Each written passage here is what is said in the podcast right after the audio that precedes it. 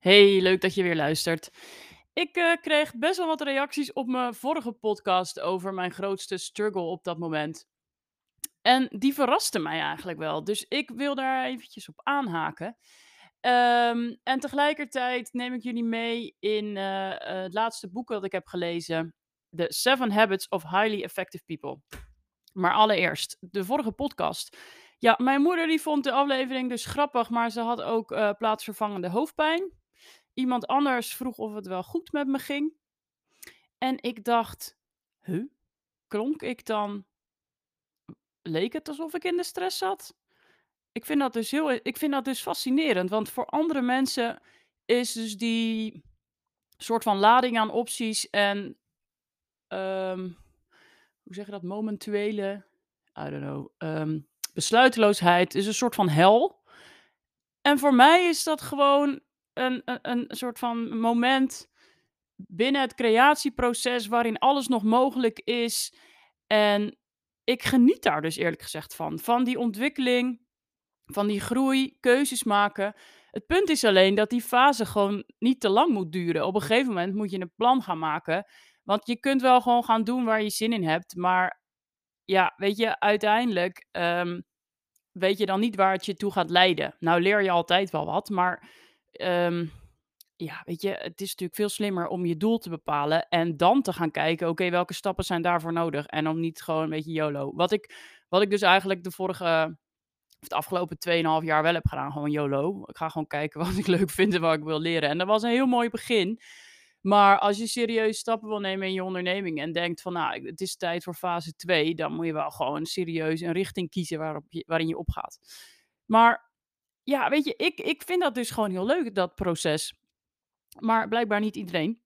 En ehm, wat natuurlijk wel zo is met groeien, is dat in elke nieuwe fase waar je in belandt, besef je weer hoeveel je nog niet weet. En dat is wel confronterend. Maar ik hou dus ook gewoon onwijs van nieuwe dingen leren. En elke stap die je zet, geeft daar weer een nieuwe kans toe.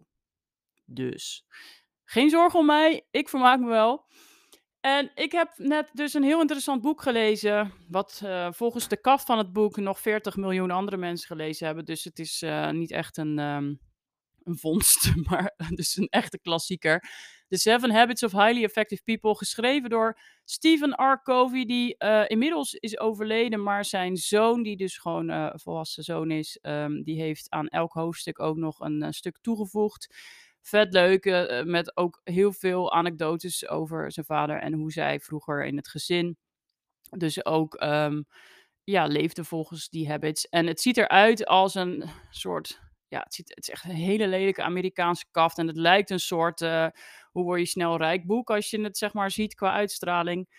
Maar wat mij heel erg verraste was dat het echt meer levenslessen zijn. Die gewoon voor iedereen van toepassing zijn. En um, highly effective heeft dus niks te maken met andere mensen manipuleren. Het heeft ermee te maken dat jij, jij aan het roer staat van je leven. En hoe kan je dus zo effectief mogelijk leven voor jezelf? Dus hoe kan je het leven creëren wat je wil? En um, toen dacht ik, ja, dit is best wel een dikke boek. En niet iedereen houdt van boeken of dikke boeken. En misschien kan ik dus heel veel mensen op deze manier toch de kennis meegeven in een uh, hele beknopte, luchtige, uh, loose variant in plaats van uh, het hele epi epistel. En ja, dus ik dacht, we gaan ze gewoon even langs. En het idee is dus, het zijn zeven habits. En die zijn onderverdeeld in de eerste drie, ik zoek het er even bij nog. De eerste drie noemt hij private victories. De tweede drie noemt hij public victories. En de zevende is soort van um, overkoepelend. Maar de theorie is dus dat je ze ook een beetje in deze volgorde moet aanpakken. Dus je kunt pas public victory hebben als je eerst private victory hebt. Dus ja, weet je, simpel gezegd, werk eerst aan jezelf voordat je eh, in de rest van de wereld uh, dingen gaat bereiken. simpel gezegd. Het hele inside-out principe heeft hij het ook vaker over. Dus eerst aan jezelf werken. Als resultaten uitblijven, kijk niet naar omstandigheden, maar kijk eerst naar wat je zelf anders had kunnen doen. Nou, weet je, dat idee. Dus de allereerste habit die dus in eigenlijk de eerste is waar je aan zou moeten werken als het bij jou nog niet heel erg sterk ontwikkeld is. Dat is wees proactief. Proactiviteit. En hij omschrijft die als ehm, ja, een beetje leiderschap pakken. Ehm, dus jij bepaalt hoe je reageert op een bepaalde stimulus of omstandigheid. Omstandigheid. Ik zegt iemand ooit het enkelvoud van omstandigheden. Ik had zo'n vervelende omstandigheid vandaag. Volgens mij niet. Gebeurt niet, hè? maar hij zegt dus: oké, er gebeurt iets. En jij gaat daarop reageren. Maar daar zit dus een moment tussen waarop jij beslist hoe jij erop gaat reageren. En proactieve mensen, die nemen daar dus een moment. Die denken: oké, dit is er gebeurd. Ehm, kan ik daar iets aan doen? Ehm, had ik dit anders kunnen doen? En die reageren pas daarna. Dus jij neemt, het is ook een stukje verantwoordelijkheid nemen.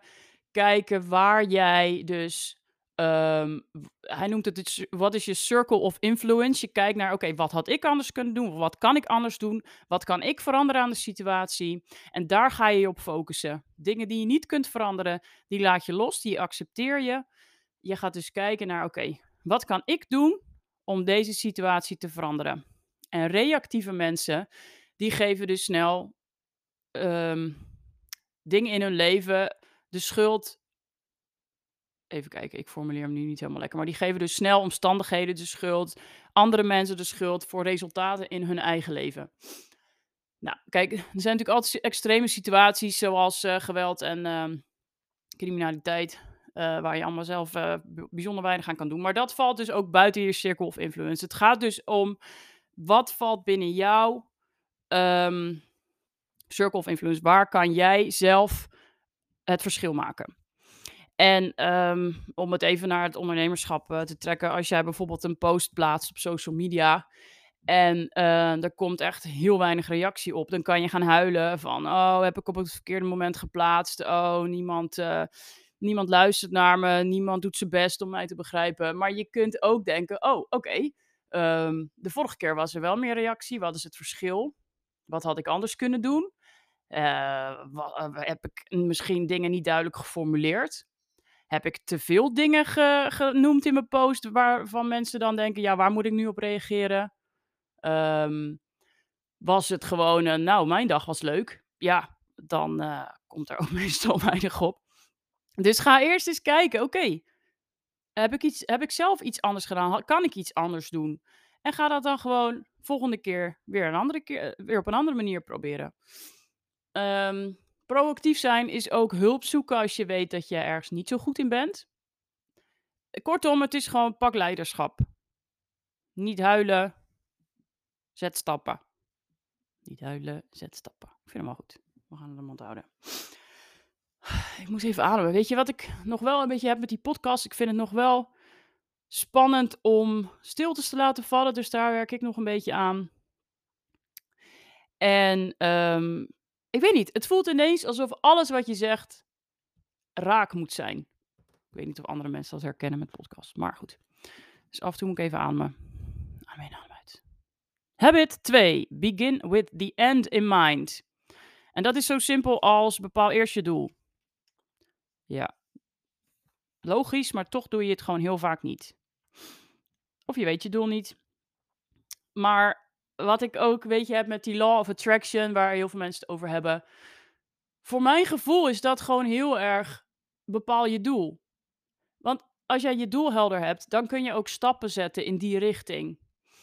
En een actieplan maken.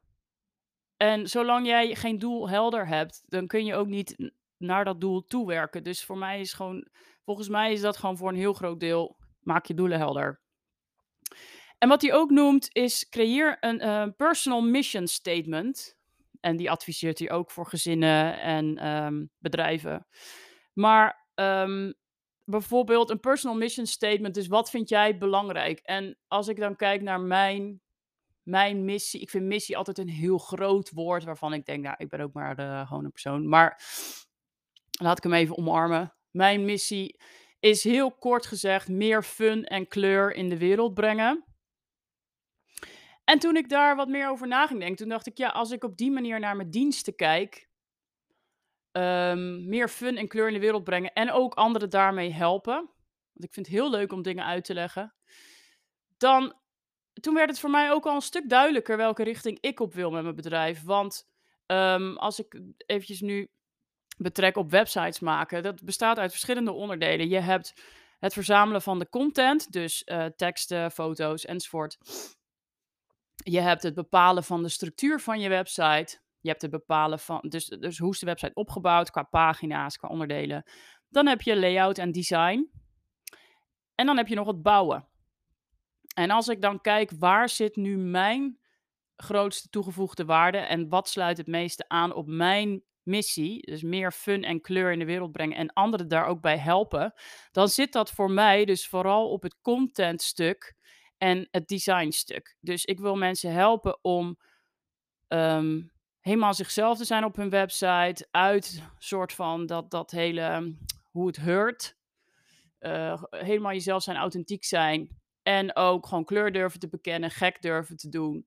En dat zit allemaal niet in het bouwstuk. Dus ik denk steeds meer, ook al vind ik dat bouwen leuk, ik vind het super leuk om met Divi te werken. Ik vind het echt heel gaaf hoeveel ik al heb geleerd de afgelopen jaren. Maar als er iets is wat, zeg maar, als ik kijk naar welk onderdeel ook door een ander kan worden gedaan, dan is dat het bouwen. Dus ik heb gisteren of eergisteren, weet ik veel, ergens in de laatste dagen besloten om me dus te gaan focussen op het contentstuk en het designstuk. En te kijken of ik op termijn het bouwstuk kan uitbesteden. En dat betekent dus ook voor mij dat ik geen Divi-tutorials ga maken. Ik ga uh, niet meer gaan maken. Ik ga geen YouTube-kanaal starten met Divi-tutorials. Ik ga geen tijd en energie meer stoppen in het maken van een nieuwe online training. Dus dat, ja, dat focussen op wat is jouw missie en ook een stukje waar, eh, ja, waar zit gewoon je talent en waar zit jouw zone of genius? Die term wordt ook nog wel vaak genoemd. Ehm, op die manier kan jij je doelen dus bepalen door ze te matchen met jouw persoonlijke missie. Oké, dus dat was habit 2. Begin with the end in mind. Bepaal eerst je doelen. Habit 3. Put first things first. En dat is zo simpel als prioriteren. En we weten allemaal dat je moet prioriteren, dat je geen waslijst aan to-do's moet maken en maar gewoon bovenaan moet beginnen. Kijk, het iedereen weet dat het slim is om dingen die eerst moeten gebeuren bovenaan te zetten.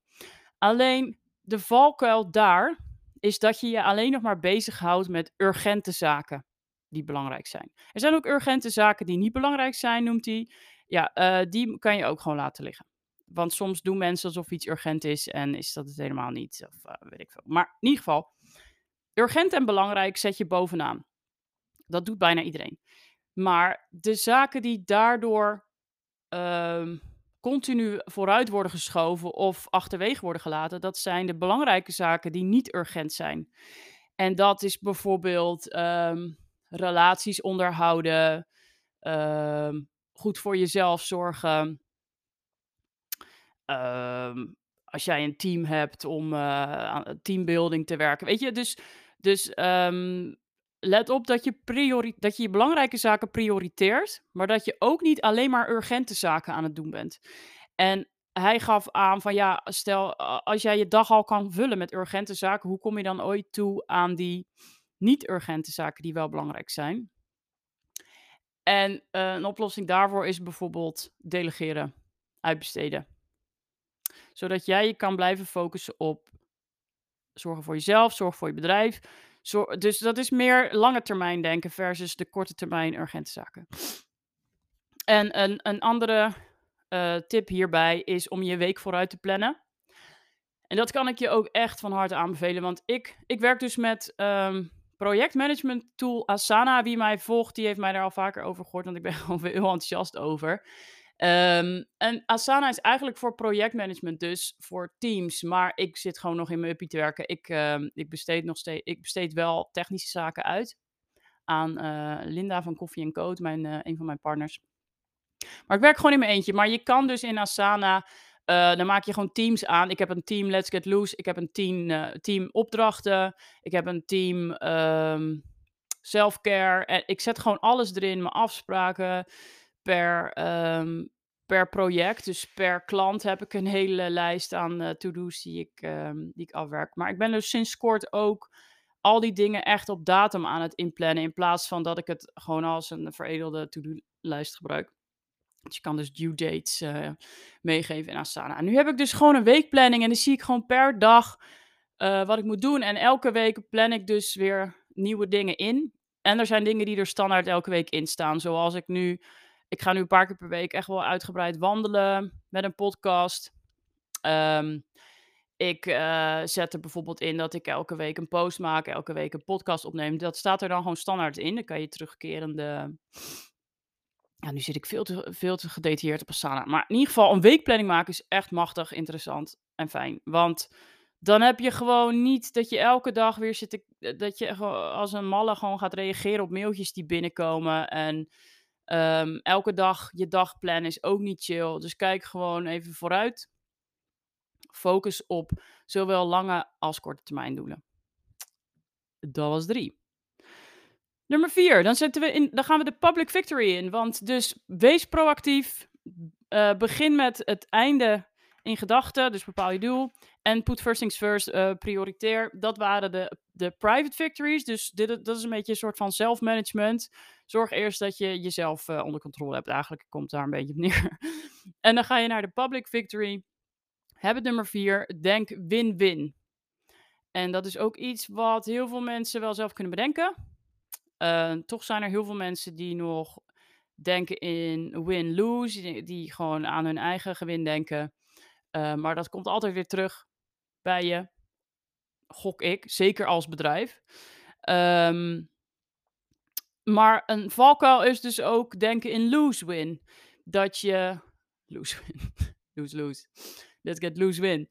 Um, je moet dus ook niet de ander laten winnen ten koste van jezelf. En dat gaat dus volgens mij bij heel veel startende ondernemers mis. En dat, daar struggle ik eerlijk gezegd ook nog steeds wel eens mee. Dat als je bijvoorbeeld um, als een klant meer aanpassingen vraagt, dat je dan niet meer geld wil vragen, want je e-, één, je bent confrontatiemijdend en twee, je vindt het lullig voor de klant. Maar daardoor benadeel jij dus jezelf. En dat komt ook altijd uiteindelijk wel weer een keertje bij je terug. Dus het idee is win-win. Kijk hoe je beide kan winnen, hoe, je, hoe iedereen gelukkig is. En um, ook een hele goede mindset om salesgesprekken in te gaan. Want je, je, je, je gaat dus niet iemand iets aansmeren. Je gaat, jij hebt een product waar zij beter van worden. Dat is jouw uitgangspunt. Anders heb je gewoon een beetje shit product. Of je staat er niet achter. Dan moet je daaraan werken. Maar jij hebt een product of dienst waar de ander zijn leven beter van wordt. En met die gedachte hoef jij ook niks te verkopen, want je gaat gewoon kijken bij die ander, wat zijn je behoeftes? En vervolgens kun je concluderen of jouw dienst daarbij aansluit of niet. Ja, zo niet, doe het ook gewoon niet. Raad het ze af. Simpel is dat. Denk win-win. Op de lange termijn gaat dat je het meest brengen. Nummer 5. Seek first to understand, then to be understood. En dat is echt een belangrijke en moeilijke. Want iedereen wil altijd graag dat de ander hem begrijpt, hem of haar begrijpt. Maar zeker in samenwerkingen, als jij wil dat de ander naar jouw standpunt luistert, dan kun je het beste ervoor zorgen dat zij eerst echt 100% het gevoel hebben dat jij hun begrijpt.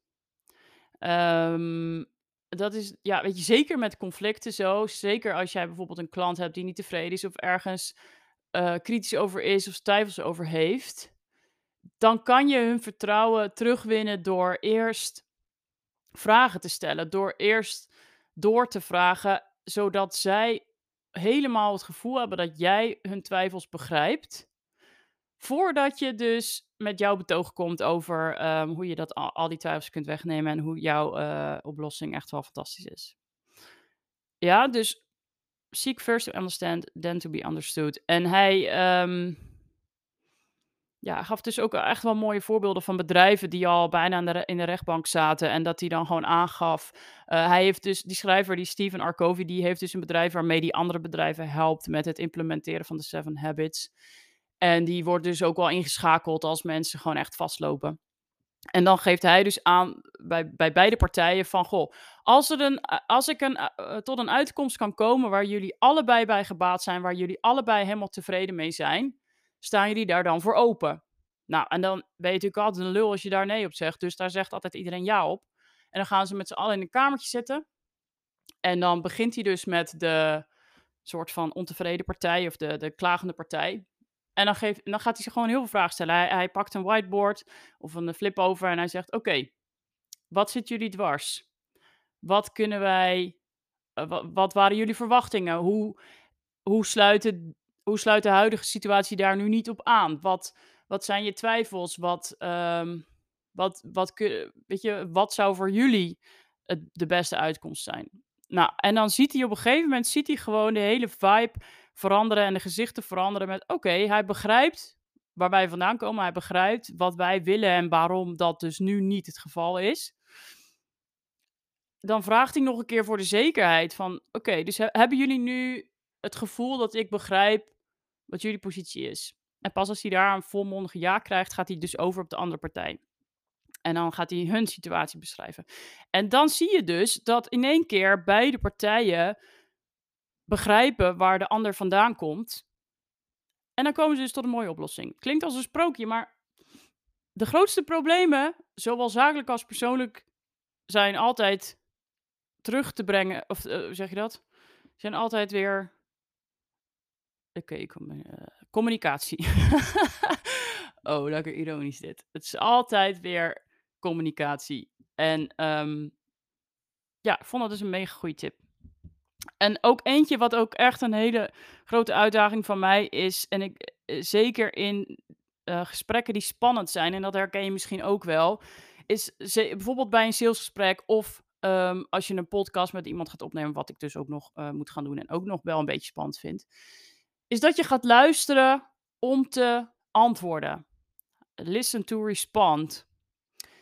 Um, want je bent bang voor stiltes, je bent bang om niet het juiste te zeggen. Dus je gaat vooral luisteren en al in je hoofd bedenken: hoe kan ik hierop reageren? En um, ja, en dat moet je dus zien te, zien te overbruggen door echt te luisteren om te begrijpen en dus door te vragen. Dus focus je om op dingen helder maken. Daarom is ook, misschien een beetje een zijspoor, maar daarom is ook altijd zo'n goede tip als er een vacature staat, om eerst zo'n bedrijf te bellen en vragen te stellen over zo'n vacature. Dat je eerst laat zien dat je helder wil hebben wat het nu wat het precies inhoudt en wat ze precies van je vragen. Oh, je maakt daar zo'n mega goede indruk mee als je dat doet. Maar goed, uh, als het goed is, heb je daar niks aan. Dan ben je gewoon lekker aan het ondernemen met je, met je business. Habit 6, synergize. Dat is een heel mooi woord voor werkzame daar komt het eigenlijk op neer. Waardeer elkaars verschillen. Hij zegt ook van als iemand ergens anders over denkt, dat je dan letterlijk moet zeggen: hey, wat leuk, jij denkt hier anders over. Vertel er meer over. Enlighten me. Ja, dus ga gewoon erin met het idee van je kan leren van elkaar en van elkaars uh, viewpoints. En um, uh, hij is ook een beetje tegen compromis. Hij, hij zegt: kijk of er een derde optie is die, uh, die beter is dan wat je allebei in eerste instantie wilde. En ik zat heel hard te denken of ik jullie een voorbeeld kan geven in deze podcast. En ik dacht, het is misschien niet het sterkste voorbeeld, maar ik dacht bijvoorbeeld met klanten, mijn grootste uitdaging is altijd planning. Um, want ik spreek bijvoorbeeld met een klant af om een bepaalde in een bepaalde maand te gaan bouwen. Maar daarvoor moet dan nog de content verzameld worden. En dat bleef een beetje een struggle. Um, want ik ben daardoor de hele tijd mijn planning aan het verschuiven. Uh, voor de klant is het ook vervelend, want die voelt zich bezwaard om mijn, weet je, om, om mijn planning uh, overhoop te gooien. Maar die komt er gewoon niet uit met zijn content. Um, dus een compromis zou zijn van oké, dan ben ik gewoon flexibel. Dan zeg ik geef niks. Dan gaan we een maandje later. Heeft de klant meer tijd. En um, voor mij is het dan gewoon uh, uh, wel prima, want die klant verdwijnt niet. Maar dan uh, hebben we gewoon allebei, zijn we elkaar een beetje tegemoet gekomen. Maar een derde betere optie is dus wat ik nu doe. En dat is uh, op het moment dat er een maand wordt geblokt bij mij, dat ze zeggen: Oké, ik wil in juni een website. Dan gaan we gewoon twee maanden daarvoor gaan we zitten voor een uitgebreide content sessie. Bepalen we de structuur van de website, bepalen we de opbouw van de website, welke onderdelen moeten erop komen. Dan help ik ze al een beetje in, de, in uh, geef ik ze al een beetje een zetje met tekst te schrijven. Dus dan is de klant gebaat bij mijn hulp. Die heeft een helder plan, die kan makkelijker zijn teksten schrijven. Die um, zit al in het proces, dus die heeft niet die hele berg van, oh, ik moet beginnen. En voor mij, ik weet, mijn die content wordt beter aangeleverd dan voorheen. Want eerst kreeg ik gewoon een, uh, een Word-bestandje vol met uh, tekst. En daar moet ik dan wat van zien te maken. En nu, nu neem ik daar dus de leiding in. Door um, ervoor te zorgen dat het wordt aangeleverd zoals ik het wil hebben aangeleverd. En we kunnen op tijd beginnen. Dus dat is zowel een win-win als, dit noemt hij dus echt synergize. Je gaat niet, niet um, elkaar tegemoet komen. Je gaat op zoek naar een derde optie die gewoon beter is. Ik vond dit dus, ik ja, ben hier ontzettend blij mee met die content sessie. Ik moet hem echt nog wel, uh, ik ga hem echt nog optimaliseren. Maar dat is, ja, dat was gewoon zo slim, zeg ik heel eerlijk zelf. Terwijl um, je daar dan toch gewoon heel lang niet aan denkt. Eh, dus ja, weet je, kijk ook eens voor jezelf of er dingen in je proces zijn waarvan je weet van daar lopen klanten altijd tegenaan. Hoe kan je hun daarbij helpen op zo'n manier dat het ook voordeel heeft voor jou? Think about it. Maar synergize, ja, dus werk samen en um, waardeer elkaars verschillen. Kijk hoe je van elkaar kunt leren en gebruik maken in een niet negatieve zin. En dan heb je nog habit 7 en dat noemt hij sharpen the saw. Met als metafoor uh, iemand die een boom aan het omzagen is met een, uh, met een zaag. Ja, waarmee anders. en dat dan uh, iemand anders zegt van lukt het een beetje? En dan zegt ja, maar ik ben echt al zes uur bezig, weet ik veel.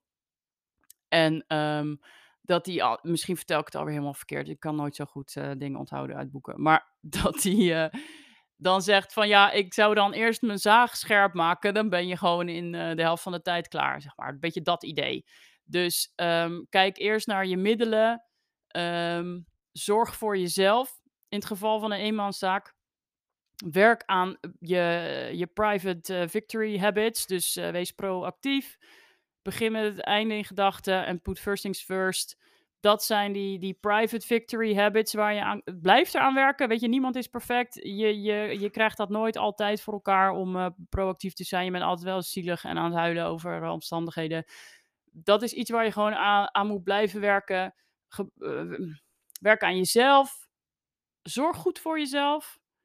Um, ja, weet je, het idee is gewoon: zorg ervoor dat hetgene wat voor de productie zorgt, gezond blijft. En Um, ga dus niet alleen maar kijken naar hoe dingen efficiënter kunnen, maar ga kijken naar hoe dingen effectiever kunnen. Want met een botte zaag, weet je, je kan uh, kijken of je met twee man sneller bent. En je kan kijken of je, uh, als je ondersteboven gaat liggen, uh, sneller bent. Maar je kunt ook kijken naar, oké, waar zaag ik mee? Hoe kan ik dat verbeteren? Dat is dus een beetje het idee. Wees niet efficiënter, maar effectiever. En dat betekent dus dat je moet zorgen voor de, de middelen die voor jouw productie zorgen. Nou, ik hoop dat ik het een beetje eh, enthousiast en helder heb verwoord. Ik vind het altijd dus heel lastig. En voor mij helpt het dus enorm om nu te samenvatten. Ik weet niet of je dat wel eens doet met boeken die je hebt gelezen. Maar ik onthoud er altijd achteraf zo weinig van. En ik vind dat best wel zonde. Toen dacht ik ineens, ja, laat ik dit gewoon eens in mijn podcast doen. Want door jezelf te dwingen om het te herhalen en samen te vatten, neem je het ook weer beter tot je. Um, ja, 40 miljoen boeken zijn er verkocht. Misschien inmiddels al meer. boek is geschreven in 1989. Is misschien nog wel even handig om erbij te zeggen. Het is dus het is echt een klassieker. En uh, dikke kans dat al heel veel mensen in mijn netwerk dit boek gelezen hebben. Ik ben ook heel erg benieuwd of je um, weet je, hoe jouw gedachten erover zijn en of ik nu dingen voor jouw gevoel anders heb geïnterpreteerd. Want dat kan natuurlijk helemaal. Hè? Ik, ik, je betrekt dingen altijd op jezelf. Um, Maar let me know als je hier nog een mooie prikkelende stellingen over uh, hebt te delen. Dan wil ik ze graag horen. En ik denk dus nooit zo goed na over het einde. En dan heb ik, dan heb ik mijn verhaal gedaan en denk ik, ik moet ergens afronden. hey, ik zit wel bijna op een half uur. Ben ik heel erg trots op. Ik ga gewoon precies op het half uur stoppen. Lijkt me echt een mooie doelstelling. hey, leuk als je volgende keer weer luistert. En laat me weten in de DM op... ja, ik ben er dus ook zojuist achter gekomen dat ik uh, eh, 30 minuten kan opnemen hier in uh, de Anchor app die ik gebruik om een podcast op te nemen. You can record for up to 30 minute, minutes. Minutes, so minutes. Ik kan echt niet meer praten. Up to 30 minutes in your web browser. If you'd like to record for longer, you can use any app on your computer and then upload the file. Ja, ik zit dus gewoon in de Anchor-app van Spotify. Ik gebruik helemaal geen uh, geluidsopnameprogramma. Ik dacht, ik ga er gewoon voor. We gaan het niet te moeilijk maken. Maar dat is dus ideaal. Je kan gewoon een uh, account aanmaken anchor.fm. En je neemt op en hij zet hem overal waar je wil. Meer hoef je niet te doen. Einde verhaal. Dat is echt super chill. Nou goed, bij deze, ik ga de volgende keer even op mijn tijd letten. Um, je kan me bericht sturen op Instagram. Dat wilde ik dus nog zeggen. Of op LinkedIn. Of in mijn e-mail info at En leuk als je volgende keer weer luistert. Doei!